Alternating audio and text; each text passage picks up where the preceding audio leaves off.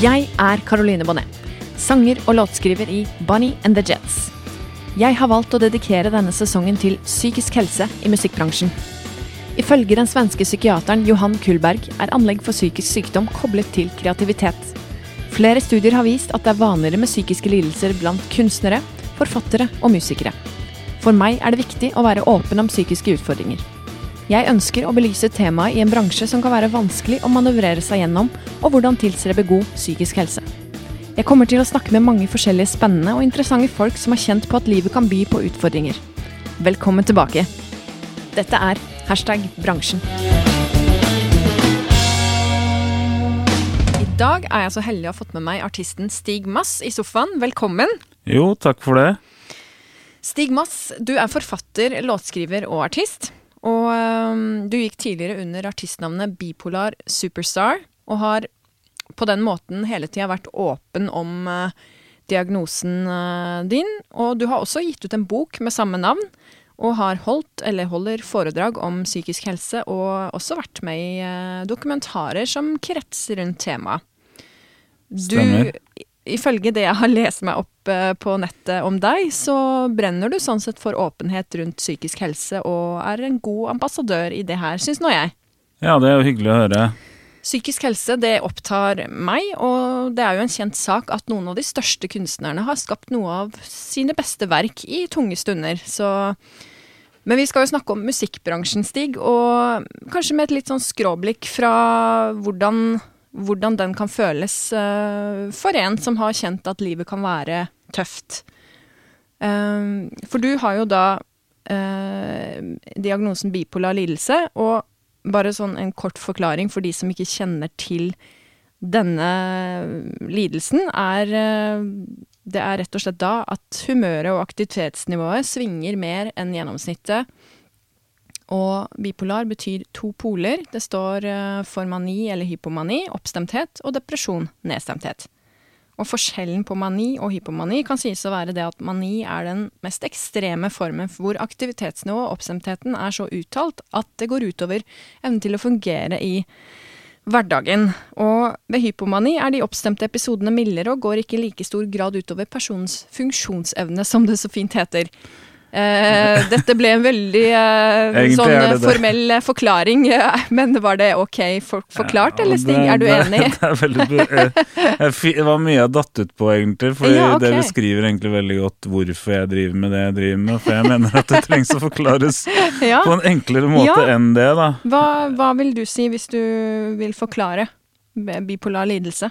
Nei, jeg, For det første så liker jeg jo ikke ordet lidelse. Det er noe jeg på en måte har nevnt uh, Egentlig snakka om ganske mye, egentlig, Mm. med at lidelse, det ordet i seg selv, det Alle har et forhold til ordet lidelse. Og, og jeg da har prøvd å lage et pseudonym og en greie som skulle forklare på en helt ny og banebrytende måte, har Mm. tanken vært, da uh, hva det er å være bipolar. Mm. Eh, og så har det vel vært at jeg har forsøkt, eh, for det var når jeg lå innlagt, at jeg kom på det med bipolar superstar. Et mye lysere opplegg, og også alle de fantastiske tinga jeg har opplevd i mani, da, med det kreative, med Selvfølgelig, for andre så er det jo ikke reelt, men eh, jeg har jo vært i manier hvor jeg f.eks. har trodd at jeg skulle holde konsert foran titusener av mennesker, og den følelsen å faktisk med hele kropp og hjerte og sinn tro på det, Mm. eh, like mye som at eh, andre tror på at de går på jobb og gjør jobben sin reelt i virkeligheten, Mm. det har vært eh, Ja, det har vært bra å presentere, og fint og flott, men det har også vært en tosidighet, fordi at det har vært ensomt også. Eh, Jeg har ikke sjøl engang forstått alltid hva bipolar superstar er. Mm. Og så tolker jo alle andre det ut fra sitt verdensbilde. eh, I sine eh, mer vanlige Jeg vil ikke kalle det vanlig, og det er liksom så fort jeg begynner å si A4 Altså, alle jobber er fine og flotte, men eh, forståelsen av den nesten desperate ønsket om å eh, formidle noe på den måten jeg har kjent tider, det er veldig vanskelig å forklare for noen, da, rett og slett. Eh, så jeg har jo opplevd masse fine ting, men det er kanskje beskrivende med den tilstanden jeg liker å kalle det tilstand. Det er toppene er helt fantastiske, og båndene er fullstendig bunnløse. Eh, og så skal man prøve å virke i et samfunn hvor grensene kanskje ikke går så høyt opp og heller ikke så langt ned. Eh, og hvor også kanskje ønsket om forståelsen også forsvinner, fordi at folk blir redde, rett og slett. Da. For eksempel så har jeg sagt eh, Enkelte ganger så har jeg sagt at jeg vil leve nærme manien, for da klarer jeg å uttrykke ting best. Og det er jo klart uh, for uh, familie, venner og sånne ting som hører det, eksempel. Det, det er jo ikke gøy. Samtidig har jeg hatt noen av mine drøyeste opplevelser uh, andre veien, som sagt, i Mani. Eh, jeg gjorde veldig mye rart på litteraturfestivalen i Lillehammer. Okay. Hvor jeg da mer eller mindre trodde at jeg skulle bli Norges neste nasjonalpoet, og gjorde da masse ting der eh, som folk bare begynte å lure av, men som i en periode Jeg husker blant annet én ting. Jeg sto utafor, om det heter Forfatterhuset eller hva det heter, i Lillehammer. Så så jeg en måke eller hva det var, høyt oppe, og så hørte jeg den. Og da følte jeg at jeg hadde superhørsel, fordi at da jeg hørte på den, så var det som om det kila inni øret mitt når jeg, når jeg hørte den. Og da tenkte jeg jeg er et supermenneske med superhørsel, og nå skal jeg bli Norges neste Ja. nasjonalpoet, da. Så ja, rett og slett. Men det høres jo Jeg syns for øvrig din forklaring eh, av bipolar tilstand er sånn sett eh, en mye mer sånn folkelig måte å si det på enn den Wikipedia-opplesningen jeg hadde her. Men mm. det er jo Jeg liker veldig godt måten du egentlig refererer til bipolaritet som en mer positiv lada greie, da, isteden- istedenfor den her lidelsesaspektet som blir veldig sånn Det blir veldig stemplet, måten det kalles, da. Det, det sier jeg meg enig i. Men, uh, Ja. men sånn i forhold til musikkbransjen, da. Det er jo det det kretser rundt uh, i denne podkasten. Hva er det Mm. du tenker når jeg sier hashtag bransjen? Hva, hvilke assosiasjoner får du?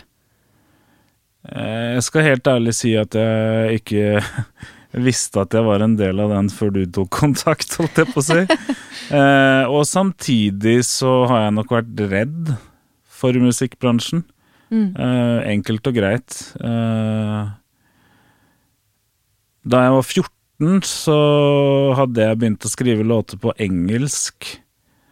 Eh, og så tenkte jeg at jeg liksom skulle driste meg til å spille det for noen, og da tok jeg kontakt med en av de største eh, liksom studioguruene da, i Fredrikstad, der jeg kommer fra. Ja. Eh, og så ble I en alder av 14 så ble engelsken min bare slakta. Ok. Eh, og det er jo ganske skjørt. Det var kanskje min første eller andre låt som jeg noen gang hadde skrevet. Mm. Eh, og, og så ble engelsken min slakta. Han sa du er nødt til å bare slutte å skrive på engelsk, for den er helt elendig. Du må begynne å skrive på norsk. Og det verste eller beste, jeg vet ikke, jeg, men i hvert fall det har jo endt med at jeg da bare har skrevet på norsk stort sett etterpå også. Eh, men en sånn, sånn hendelse Den derre Jeg har noen ganger inntrykk eh, Jeg har sett du snakker på podkasten om liksom hva som ikke stemmer og stemmer, og, men litt den derre tøff i trynet-greia Mm. har jeg vært litt uh, redd for, rett og slett. da. Mm. For når jeg, da, når jeg da var rundt 20, så var det en annen kar jeg snakka med, og da Han var nok Han ville nok kanskje bare forberede meg på at bransjen kan være tøff, og det kan hende var mitt ego da som For han sa at uh, han slakta låtene, men han sa 'kom med nye' Uh, Kom med nye e- eksempler, og det er jo egentlig et kompliment. Altså 'kom med noe nytt til meg', liksom. Ja, ja. Men da, i en alder av 20, så hadde jeg for store tanker om min egen låtskriving til at uh, Til at jeg klarte å følge opp. Eller, ja, det var ikke bare store tanker, det var at jeg ikke klarte Jeg hadde ikke evnen til å komme tilbake til han med det han ville ha heller, da. Nei. Eh, men den derre direkte greia Jeg lurer på om det har kommet litt fra USA, eksempel. Den greia med Mm. at man må være tøff i trynet og sånn At enkelte er sånn. Det har jeg Mm. aldri helt forstått, og også vært litt redd for å møte, da. Mm, ja, at det er en sånn sjargong at noen har Altså at man på sett og vis har sett andre være sånn typ han dommeren i Idol, liksom. Han slemme Ja, der og, og også litt på ja, er, du, en- er du med på Bransja Prat, den, Ja, den gruppa? ja da. Der òg kan jo oppstå noen ting som liksom Jeg husker jeg satt under koronaen og tenkte Bør vi ikke her være litt rause mot hverandre? Og så var det liksom masse Enkelte ting er sikkert eh, betimelig å si og sånn men men det, er, det var en periode der også, en sånn sjargong som jeg ikke helt skjønte, da. Eh, men så handler det nok også om å få større tro på sin egen greie òg. Eh, Ja. Og faktisk eh, eh, være sikker på at man tenker noe bra om det man driver med etter at man har fått en reaksjon på det. Det ja, noe med det å ha den tryggheten i det man sjøl skaper, da. Som Ja. kanskje er vanskelig innimellom for alle og enhver. mm. Men eh, hva er det du tror de fleste som ikke kjenner til musikkbransjen, misforstår mest med den, da? Har du noen tanker om det? Ja, da kan jeg jo egentlig holde Siden jeg som sagt kanskje har misforstått litt, da, i og med at eh, jeg ikke har skjønt at jeg er en del av musikkbransjen, så har jeg jo nå begynt eh, Jeg har blitt en del av Oslo Låtskriverforum, eller vært med på mye ting der. Ok, det har jeg hørt om. Er det bra, eller? Ja, absolutt. Veldig mye fine folk der som Ja, som også er låtskrivere, da. Så det blir et veldig fint eh, fellesskap der. Ja. Eh, og det er jo også musikkbransjen. Eh, det med at eh, Mer kaffe? Ja. Ja, nei, jeg tror jeg har Du har, ja. Ja. Fortsett. Jeg har til tider tenkt at man må ha en hit eller leve av det for å kunne si at man er en del av musikkbransjen. Mm. Men det stemmer jo ikke, og jeg har faktisk siden du tok kontakt og gått gjennom en, en ganske bra prosess, egentlig, i forhold Ja. til hva eh, Hva det er å være en del av musikkbransjen, da. Mm. Eh, så det at du tok kontakt, gjør at jeg nå føler meg som en større del av musikkbransjen, ja, rett og slett. så hyggelig å høre. Ja. Det, jeg så for øvrig at vi var med på en sånn samme eh, greie for en del år siden. Sånn intervju med Indigo Boom, som hadde sånn intervju med artister som ga ut musikk, og så var det sånn eh, Hva føler du om å sjekke streamingtall og litt sånne ting? Det Ja, var noe sånn stemmer. jeg, Det var der jeg ble kjent med deg og har sjekket ut musikken din og sånn, da. Ja, sånn, ja. Ah, så det, men det begynner jo som sagt å bli en del år siden. Det gjør jo det. Men det er, eh, det er jo en bransje med mange forskjellige typer artister og utrolig mange forskjellige veier inn i bransjen. Og som du sier, det er jo veldig mange som kanskje tenker at uh, man må leve helt av musikken for å kanskje være per definisjon en del av en musikkbransje. Men jo mer jeg driver den podkasten her, og jo mer forskjellige folk jeg snakker med, jo mer innser jeg jo at det er jo fåtallet som bare gjør musikk. Det er jo veldig mange andre som har flere bein å stå på, for å si det mildt. Ja. Mm. Ja, jeg har jo Jeg hadde en fast jobb, og så har jeg nå hatt fem år hvor jeg har forsøkt meg på frilans hjemmekontor, både påtvunget og ikke, holdt jeg på å si, med, mm. med koronaen, da. Eh, og jeg kjenner vel eksempel at jeg kjenner eh, at jeg trenger rammer. Mm. Jeg har på en måte noen ganger tenkt at jeg er en fri sjel, og jeg skal sprenge alle grenser. Mm. Men øh, hvis man skal sprenge grenser, så tror jeg også man trenger rammer. Og det har jeg nå skjønt øh, Mm. viktigheten av. Jeg skrev jo også en bok i 2015, øh, eh, og da brukte jeg, hadde jeg brukt da Eller ga ut i 2015. Mm.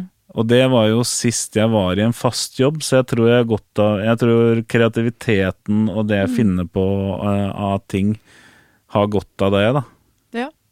Hvor lang tid brukte du på å skrive en bok, da? Nei, Jeg brukte vel et par år, uh, år på det. Mm. Uh, ja, det var jo en fiksjonsroman også. Det beskrev mye rundt det med bipolariteten. Ja. Og det bunner som sagt, og det kan på en måte ikke beskrives som noe annet enn et desperat ønske om å forsøke å forklare hva det inni hodet mitt er, og, og hva jeg ser. Mm. Eh, og jeg føler vel fortsatt at jeg ikke på alle måter har klart det, men det er jo Det er ikke så lett. Jeg tenker på nå kommer det AI og all mulig annen teknologi. Eneste grunn til at jeg ville at noen skulle sett tankene mine, hadde vært for at de skulle forstå alle de fargerike tinga som skjer. Eh, også, da, for jeg syns det er så mørkt, det bildet. Som sagt, du får holde det, for jeg vil gjerne holde det på musikk og bransjen, og det er det jeg ønsker å snakke om. Mm. F.eks. psykisk helse relatert til bransjen, så du får bare lede meg inn i det Mm. Ja, ja. hvis du trenger det. Men, eh, men det har vært et desperat ønske om å eh, få ut det jeg ønsker, Mm. og gjennom forskjellige kunstuttrykk. Det har ikke vært så viktig hvilket av dem det har gjeldt, på en måte. Nei, for Bare da jeg får du det ut. Altså om det er eh, å skrive en bok, eller om det er å gi ut musikk, eller Eller musikalske musikalske foredrag, som Ja. er jo det der jeg kanskje har vært nærmest av å kunne si at jeg har vært nærmest å leve av det, da. Mm. Eh, og kanskje også nærmest av, i å bli forstått på det, det jeg ønsker å få frem òg. Mm. Men øh, kan du fortelle litt om altså, hva det er som gjorde at du startet med musikk, og altså ditt eh, behov for å eh, Hva skal jeg si Formidle kunst, da. Hva Har du noe Var det Det noe startet spesielt vel- som gjorde at du valgte å faktisk gå for å være musiker og gi ut musikk og Jeg var vel bare en ungdom som hadde lyst til å se litt kulere ut, egentlig. Ja. Ja, også at jeg syns det var gøy, da. Spille Men jeg har alltid vært sånn at jeg, har likt å skrive, så jeg tenkte over det at uh, Det er jo mange som sier det at man bør lære gitar ved å lære fra andre, men jeg har liksom nesten helt fra starten av begynte jeg å skrive. Så det er låtskrivebiten jeg alltid har, uh, har elska Mm. å gjøre, da. Eh, og så har jeg også syntes det har vært veldig gøy med scenegreia. Ja. Uh, noen ganger litt skrekkblandet fryd, men, uh, men at det har vært veldig gøy, da. Mm, mm. Så ja. Nei, det er vel sånn det, sånn det starta på ungdomsskolen. Jeg husker vi spilte en konsert på en eller annen sånn avslutning for klassen eller noe. Ja. Og da hadde jeg på en dress, dressjakke, og så hadde jeg langt, lyst uh, Metallica-hår. og så hadde jeg hengt slipset på gitar eh, Foran eh, på gitaren, da, sånn Ja. det hang ned. Og da følte jeg meg veldig kul, selv om jeg egentlig ikke kunne spille så veldig mye. Mm. Og da husker jeg dagen etter så kom det folk på 'Å, så kult!' Ja. Og jeg bare tenkte ja, Det er de tre akkordene jeg kan, men ok, det, jeg tar den, Ja. liksom. Det var en god følelse å stå der og skinne. Absolutt. Mm.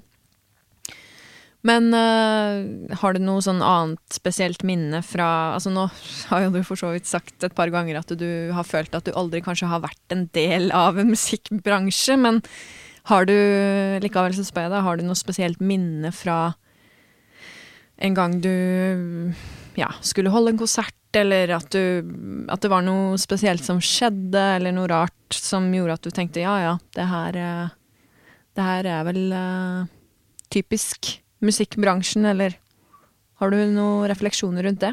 Ja, men, eh, nå kom jeg på en konsert vi holdt, for så vidt. Det er jo ikke noe historie, egentlig, men det med å føle at man er en del av musikkbransjen. Ja. Jeg husker aldri navnet på det stedet. Det var bortover mot fi Pilestredet, og så var det en etasje ned, og så var det en scene Mm. der. Ja. Ja, jeg husker, jeg husker ikke helt, men der så Jeg husker vi hadde musikkvideo-release Mm. med Alligator X, da, som var det forrige bandet jeg spilte i. Mm. Og da hadde vi utsolgt klubb, det var plass til 120 mennesker, da. ja. Og det hadde vært kø utafor. Uh. Og jeg gjorde det som jeg alltid gjorde på den tida. Dro av meg eh, alt av klær på overkroppen.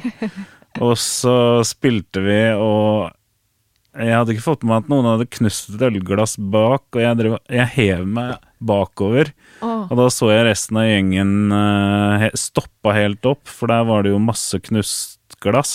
Uff da. Og det var også såpass trøkk foran scenen at gitaristen fikk uh, som kjørte backingvokal, fikk eh, mikrofonen i tenna fordi at det var noen som slo til den. Shit. Men det var sånn Da husker jeg, da tenkte jeg Da følte jeg meg nok veldig som en del av musikkbransjen, da. Mm, Rock'n'roll. Ja, veldig rock'n'roll. Det var Ja. jo det vi dyrka Ja, mye, da. ja. Men ble du skadet, da? Altså, Nei, det var ikke Ja, det var jo noe Holdt på å si små, små sår, bare, men uh, det gikk Ja, eh, veldig det fint. gikk Det, var en veldig fin Veldig fin opplevelse, Ja. sånn sett, husker jeg. Ja, ja, ja. Ja, men det er jo hørtes veldig sånn rock'n'roll ut, da, med publikum som bare, ja, trykker opp mot scenen og Vokalisten Ja, for du var vokalist? Ja. Ja. Vokalisten slenger seg bak i eh, glasskår. ja. Nei, det var gøy, det. Men eh, sånn tilbake til psykisk helse, da. Er det noe sånn Var det et spesielt Var det noe spesielt som gjorde at du valgte å kalle din, ditt soloprosjekt for Bipolar Superstar? Altså, hadde du da en tøff erfaring ved å være innlagt og sånn, som gjorde at du Ja. Ja. Eh, Men navnet kom som sagt mens jeg var innlagt. Altså, jeg er velsignet og forbannet med en utrolig kreativitet som vel har Mm. gått siden jeg var 20. Ja. Nå er jeg jo 41, så Mm. når jeg hører folk eksempel Ja, jeg hadde et par år hvor jeg ikke var inspirert og sånne ting. Mm. Det har aldri skjedd for min del, egentlig. Det har alltid vært eh, Så kanskje burde jeg hatt en større produksjon, men eh, jeg har i hvert fall utrolig mye eksempel tekst liggende, og mye Ja. tekstsnutter og sånne ting, da, for jeg var i en periode sånn at jeg bare måtte fange opp alt. ja. Eh, og i hvert fall få det skrevet ned. Jeg tillot meg nesten ikke sove, fordi at jeg da uh, alltid skulle ta Hvis jeg lå og da lå i senga, så skulle jeg alltid ha den neste tingen skrevet ned, fordi den kunne forsvinne hvis ikke, og, og Ja, sånne ting. Så det var jo bare en av de tinga da, som kom. Bipolar superstar, bipolar superstar, så gikk jeg rundt og Det klinger så bra, og så bare tenkte jeg liksom ja. Vi må jo sikkert gjøre noe med det her. Og så ble det da eh, Ja, til tider har vi vært band, eh, men det har jo stort sett vært mitt solo-artistnavn, da. Ja. Og også det jeg har kalt meg når jeg har holdt musikalske foredrag. Så, Ja. så det er sånn det, sånn det oppsto. Hvilke fordeler og ulemper tenker du at det navnet har på en måte ført med seg i musikkbransjen? da? Har det vært vanskelig å booke jobber, eller er det, har du følt på mye sånn fordommer rundt det navnet, eller? Ja, ikke så mange fordeler, tror jeg. Eh, rett og slett eh, Kanskje fordi jeg selv Om det stemmer eller ikke, vet jeg ikke, men det er så direkte knytta til psykisk helse. Ja. At uh, du har jo eksempel Tix, som lenge gjorde låter uten nødvendigvis å knyt, knytte det så nært som, som jeg har uh, gjort, da. Eh, så, og når du søkte opp, eksempel googla meg og sånn, så kunne det komme opp ting rundt psykiatri. Mm. Og tenkt, det er derfor jeg har lyst til å gjøre Stig Mass nå. Hvis jeg har lyst til å Mm. booke konsert på en pub, Mm. så er det veldig enkelt å forstå at Stig har lyst til å ta med seg gitaren sin. Mm. Men uh, bipolar superstar, også psykiatri, hvorfor skal vi ha han Ja. Hit på denne puben, liksom? Mm. Eh, men samtidig har jeg fått oppleve så mye. Jeg har gjort eh, Jeg har hatt masse foredrag som har vært fantastisk gøy. Gitt ut bok, jeg har vært med i dokumentar, i, ja, i TV-serie. Eh, og hele tiden Jeg har mange ganger tenkt på meg selv som at eh, ja, Jeg har jo kalt det gull ja, Et foredrag da som jeg holder, heter Gull i CV-en. Ja. Og, og da har jeg tenkt på en sånn plog som bare kjører masse gull foran seg. Eh, og den tar med seg veldig bredt, da. Ja. Og så konkurrerer jeg også mot de som bare kaster et spyd. Mm. Og det går jo veldig mye lenger, mye raskere. Mm. Og så tenker jeg også at jeg gjennom at jeg har kjempa meg eh, bortover da med denne plogen, har fått henta ganske mye gull likevel. Mm. Og ikke minst eh, tenker jeg at jeg nå skal identifisere hva jeg har fått til, og hva jeg har lært. Ja. Og hvordan jeg kan bruke det mer eh, Kanskje mer gjennomtenkt. Da. Det, det har ikke vært mye planer og sånn med det jeg har gjort, egentlig. Eller Nei. planene kommer, og så kommer det en ny idé, og så hiver jeg meg på den, og så Mm. Mens jeg nå ønsker å kjøre det mer strukturert eh, framover, da. Hva tenker du er den største forskjellen da mellom artisten Stig Mass og artisten Bipolar Superstar? Er det Den Største forskjellen er at jeg er mye sikrere på meg selv eh, enn pseudonymet. Ja. Eller artistnavnet, eh, og hva det skal romme. Og at det, det handler om å også ta Altså eh, Jeg gifta meg under koronaen og har fått to Ja, du har jo hund du òg, så Ja. vi har fått to hunder og sånn. Mm. Det med å faktisk eh, ta, ta vare på seg selv eh, Jeg har fått større grunn til det etter at jeg fikk noen så nærme, da. Eller Mm. jeg ser viktigheten av det. Andre ganger så har jeg f.eks. kunnet sagt at eh, så lenge samfunnet har godt av det jeg gjør, så er det litt det samme med meg. Mm. Og det kan være en ganske farlig tankegang Mm.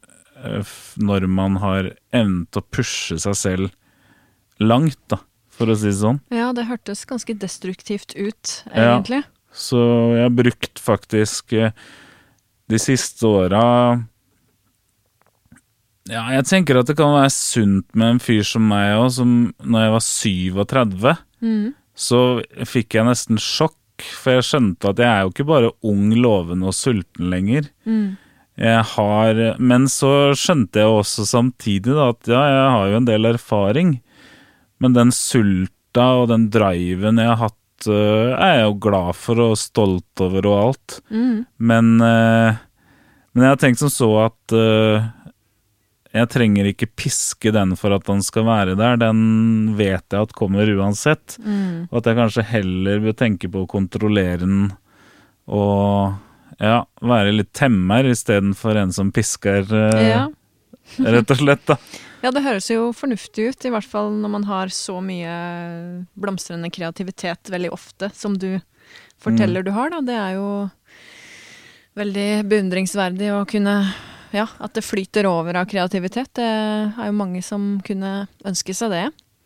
Ja, det er jo sånn eh, Skal jeg droppe enda et navn? Eh, Låtskriverpodden. Mm. Den syns jeg er kjempefin. Ja. Men i perioder hvor jeg forsøker å ikke være kreativ, så kan jeg faktisk ikke høre på låtskriverpodden, fordi at jeg vet at det setter i gang veldig mye, da. Ja, ja, ja. Eh, og det kan fort gå utover søvn og alt mulig. Så for Mm. eksempel nå som jeg har vært i ny jobb, så, så Jeg sendte vel en melding på det òg, at uh, dere er veldig kule, men akkurat nå så kan jeg faktisk ikke høre på Ja. jeg gleder meg til når jeg får anledning. Fantastisk.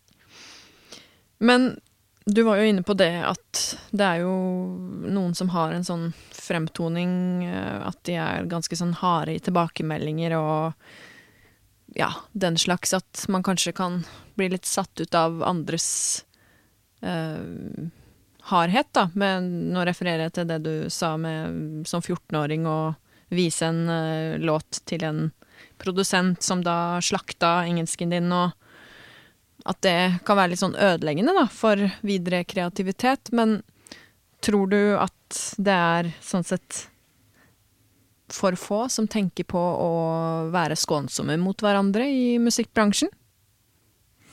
Jeg tenker ikke at man trenger å være skånsom. Jeg håper å si første tanken er å være normal. Sier jeg som har vært bipolar superstar. Men altså, vær, Ha vanlig snakk. Mm. Altså, du, tenk ikke tenk at du trenger å være tøff i trynet.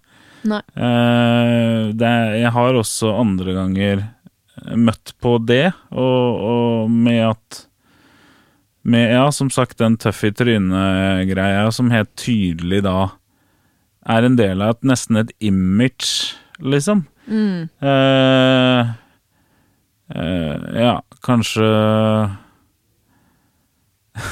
jeg vet ikke, jeg. Holdt på for mye. Eller for eksempel innafor rap. Mm. Jeg er aldri sikker på Er det rap eller rap?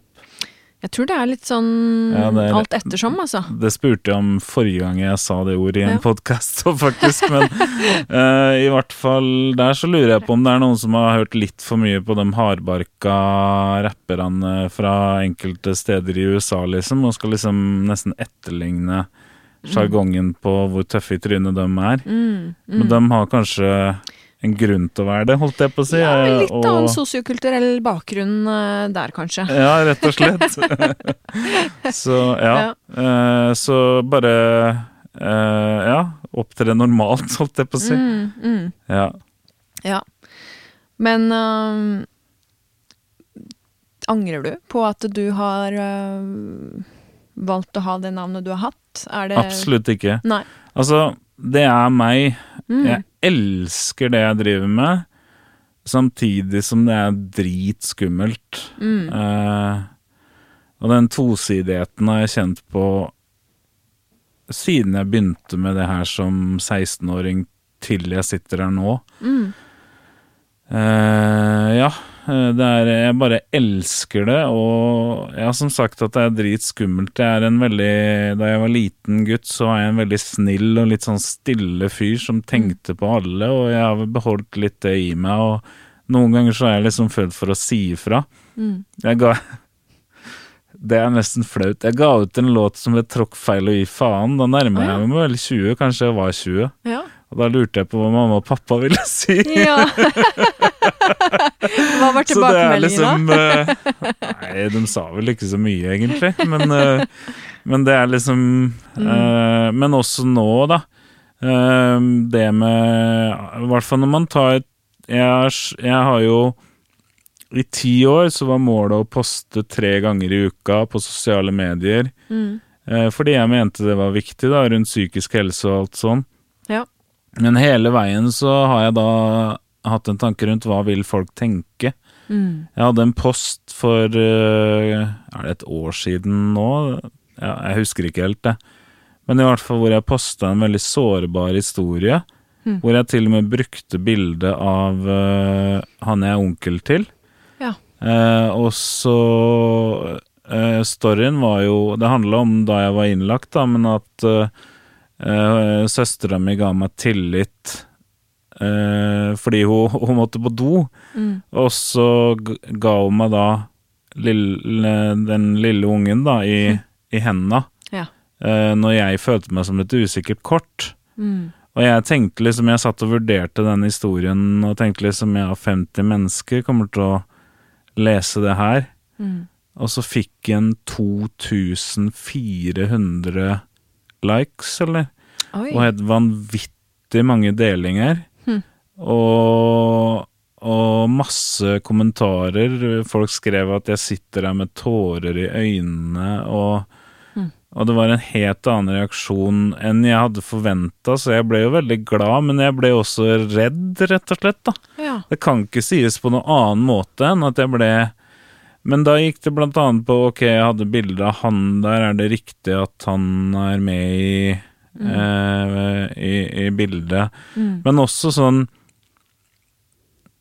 Noe jeg også trenger å jobbe med, er den greia med at man skal takke alle som sier noe bra Mm. om seg. Ja. Og når det da ble bare massevis av kommentarer og sånn, så ble jeg helt sånn Oi, nei, nå får jeg jo ikke takka hver enkelt Mm. godt, liksom. Jeg Mm. hadde ikke sjans til å sitte og svare alle, så Mm. der også så ble jeg jo kjempeglad for responsen. Ja. Men samtidig så er det da noe ukontrollert over hele prosessen, da. Ja. Og det handler om hele greia med det å vise ansikt og det å være artist og hele den greia. Mm. Med sosiale medier så har det blitt veldig ukontrollert. Det et Og eh, det er skummelt, eh, har vært skummelt for meg, da. Mm. Men samtidig som jeg elsker, da.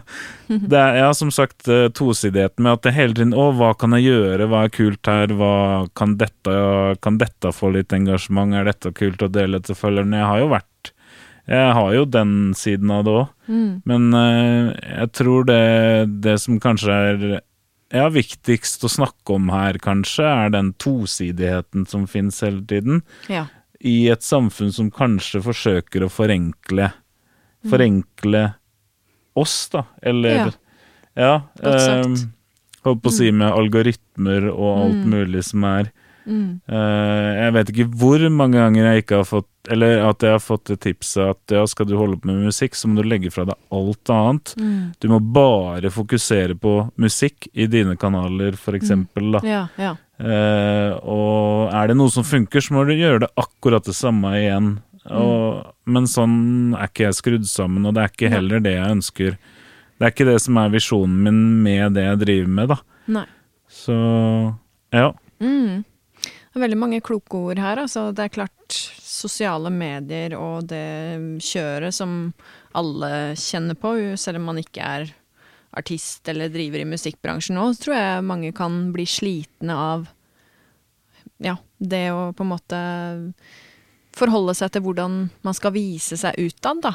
Det er eh, det er jo en annen dimensjon av et samfunn enn det vi hadde for 20 år siden, eksempel. Så det, det leker jo med folks syke stadig vekk, det. ja, bare det uttrykket synlighet, som Mm. jeg har fått f.eks. beskjed om fra bookingfirmaer og sånn. Ja. Eh, jeg syns det er et utrolig slitsomt ord. Altså Synlighet, synlighet. Ja. At du liksom nesten Samme hva det er, du må synes, liksom. ja, ja. Mens jeg er veldig opptatt av at det må være innhold hvis jeg skal være synlig. Mm.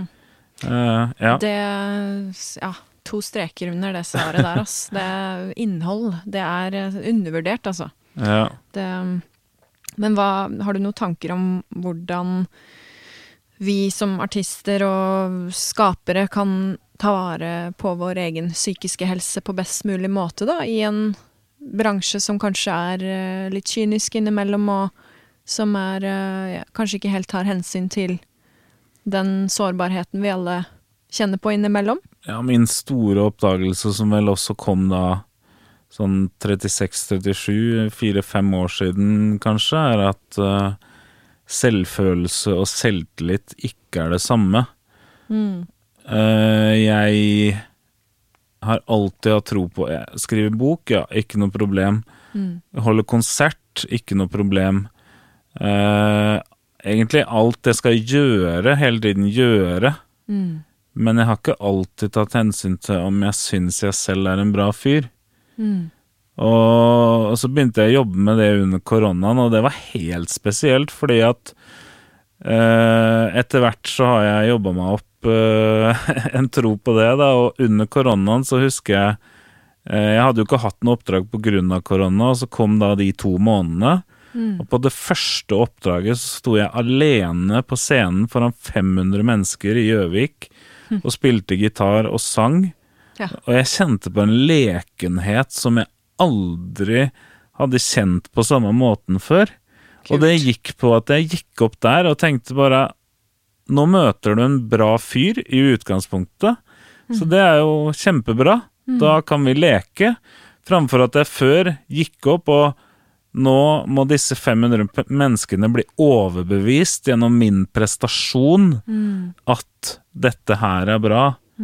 Det er en Ja. veldig forskjellig måte å tenke på, som ba- i hvert fall for min del Jeg har også troa på at liksom, uten at Altså, jeg har mange ideer og tanker, men og har ikke helt landa på hva, men jeg har også troa på at de neste åra, når det kommer til samarbeid og alt mulig òg, eh, vil kunne gå mye lettere, fordi at jeg selv har troa på at jeg er en bra fyr i bånn. Ehm, og jeg merker det allerede, men også Men det tror jeg er veldig viktig. Ta vare på selvfølelsen din oppi det hele, liksom. Mm. Og ikke hoppe på den greia med at du må ta absolutt alle sjanser som byr seg, hvis du skal bli noen. Nei. Kjenn på om det er riktig for deg sjøl òg, liksom. Jeg hadde noen år hvor jeg hørte veldig på det, og bare hoppa på alt. Var jeg komfortabel, var jeg ikke? Det kjente jeg ikke på. Noen ganger så var jeg absolutt ikke veldig komfortabel, men ok, alle sjanser. Veldig modig, da. Ja, det er jo fint Det er et godt poeng når du sier det. det ja, det, det var det vel eh, kanskje, men det er også noen ting eh, I hvert fall det at man har lov til å vurdere å si nei. At, det, at, at det er viktig å ha det aspektet med, da. Ja, det er godt sagt, og det tror jeg sikkert er noe mange kan ha nytte av å høre, sånn hvis de er i startgropa av en karriere, at det kanskje er greit å kjenne litt på det med selvfølelse og hva føles riktig, og at man ikke nødvendigvis trenger å hive seg på alt, ja. Det tror jeg er Mm. sunt, å kjenne seg litt fram på hva som er mest komfortabelt, og hva som føles riktig, ja. Ja. Har du noen sånne spesielle råd du ville gitt deg sjøl, hvis du skulle se tilbake og ja, tenkt at 20 år gamle Stigmas eh, hva, hva ville du sagt til han? At du er en dritbra fyr. eh, uavhengig av hvordan en konsert går. Mm. Eh, rett og slett. Ja, ja. Eh, kjenne på, på alle de tinga man er utafor eh, eh, jaget, rett og slett. Mm. For det var jo et jag som man syns er gøy også, men eh, ja, ta igjen det med å være en bra person og eh, det var et godt spørsmål, men jeg er litt Ja, det er jo en del av det, det. Eh, Mm. kjenne på Jo, eh, det var noe jeg tenkte på. ja. Det er viktig å sette seg klare mål. Mm. Det har, tenkt, det har ikke jeg tenkt på. Nei. Men hvis du søker suksess uten å vite hva målet er, Mm. så går du stadig videre til neste ting fordi at du ikke har satt deg noe mål å feire, da. Ja. For eksempel Ja, nå er det den singelen, og så kommer det en ny singel etterpå. Mm. Og kanskje en ja, Jeg har fokuset på feiringa òg, kanskje. Eh, Ja, ikke sant? fokus på å faktisk feire hver enkelt eh, ting, da. Mm. Og ja, sette seg klare mål, og også bygge et eh, apparat rundt den. Det var jeg dårlig på, på grunn av rett og slett selvtilliten på eh, som musiker, og den Mm.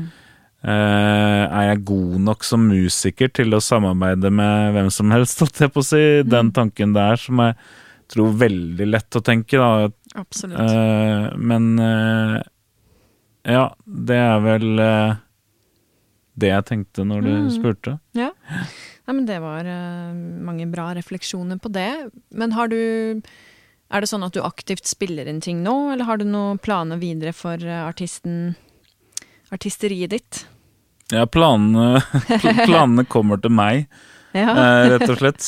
Ja. Og, så nå blir jeg litt sånn Hvor mye skal jeg fortelle, for det her Ja. er helt, helt i startfasen. Mm. Men, eh, men eh, jeg har forskjellige ideer, både når det kommer til video, kanskje film, vi får se. ja. Men det er helt ja, som sagt helt i begynnelsen. Mm. Og så har jeg begynt på noe som kanskje kan ligne noe som kan bli noe skriftlig. Ja. Eh, og så har jeg også begynt på flere låter eh, som jeg sitter og spiller inn eh, hjemme på, på Ja, hjemme. Eh, så, så det er eh, forskjellige ting. Jeg har faktisk veldig lyst til å spille. eh, Vi har, jeg har liksom dratt på med band og, og, og sånn, og det har jo vært kjempegøy. Ja. Men jeg kjenner at jeg har lyst til å kjøre den bare meg og gitaren, da. Det Ja. har jeg lyst til. Så, så det er kanskje det første målet, og med det Apropos Joakim Tinderholt, ja, du hørte den at han, episoden. at han må At man må gi ut noen låter for å få konsert. Ja, ja, ja. Så, så, så det hørte jeg på, da. Så jeg skjønner jo det at jeg må sette i gang og få gitt ut noen låter som liksom passer til det jeg driver med ja. og har lyst til å gjøre. Det må du gjøre, da. Så, men det er, jo, det er jo kjempegøy da å ha så mange Jeg føler meg jo privilegert som hele tiden For jeg elsker jo å få de ideene og fable rundt de Mm. og, og sånn. Så mm. Tenker du at det at du da selv om du kanskje ikke har innsett det før nå, at du har vært en del av musikkbransjen og hatt de utfordringene du har hatt sånn med bipolaritet, har det vært en, en ekstra tyngde, på en måte? Det å skulle håndtere en sånn artistkarriere? Det har vært en tyngde og en styrke i forbindelse med at jeg mener at mye av kreativiteten min kommer fordi at huet mitt er skrudd sammen Ja. som det er, da. Mm. Men det har jo også skjedd eh, Vi varma opp for CC Cowboys for eh, mange år siden Ja. i Fredrikstad. Vant en bandkonkurranse. Ja. En uke etterpå var jeg innlagt. eh, For en god del år tilbake så var vi i kontakt med ja, noen av de største her i landet når det kommer til låtskriving. Mm. Uh, og så var det en sånn mellomperson der. Eh, eh, og så husker jeg var på vei til å føle at jeg liksom mista litt kontroll pga. manien, så jeg sendte en Eller bipolariteten, og ikke nødvendigvis at jeg var manisk, men jeg sendte en melding at vi må få til et møte snart. Mm. Og så skrev han ja, vi kan ta et møte eh, neste uke, Ja. men neste uke var jeg innlagt. Og så Mm. prøvde jeg å ta kontakt med han igjen, og da bare svarte han ikke, jeg fikk ikke noe mer svar der. Mm. Så det er jo noen sånne steder hvor jeg liksom kunne tenkt at uh, Hva hadde skjedd hvis? Ja. Men jeg er bare ikke skrudd sammen på den måten. Altså, jeg er veldig fornøyd med den personen jeg er når jeg sitter her akkurat nå. Så bra.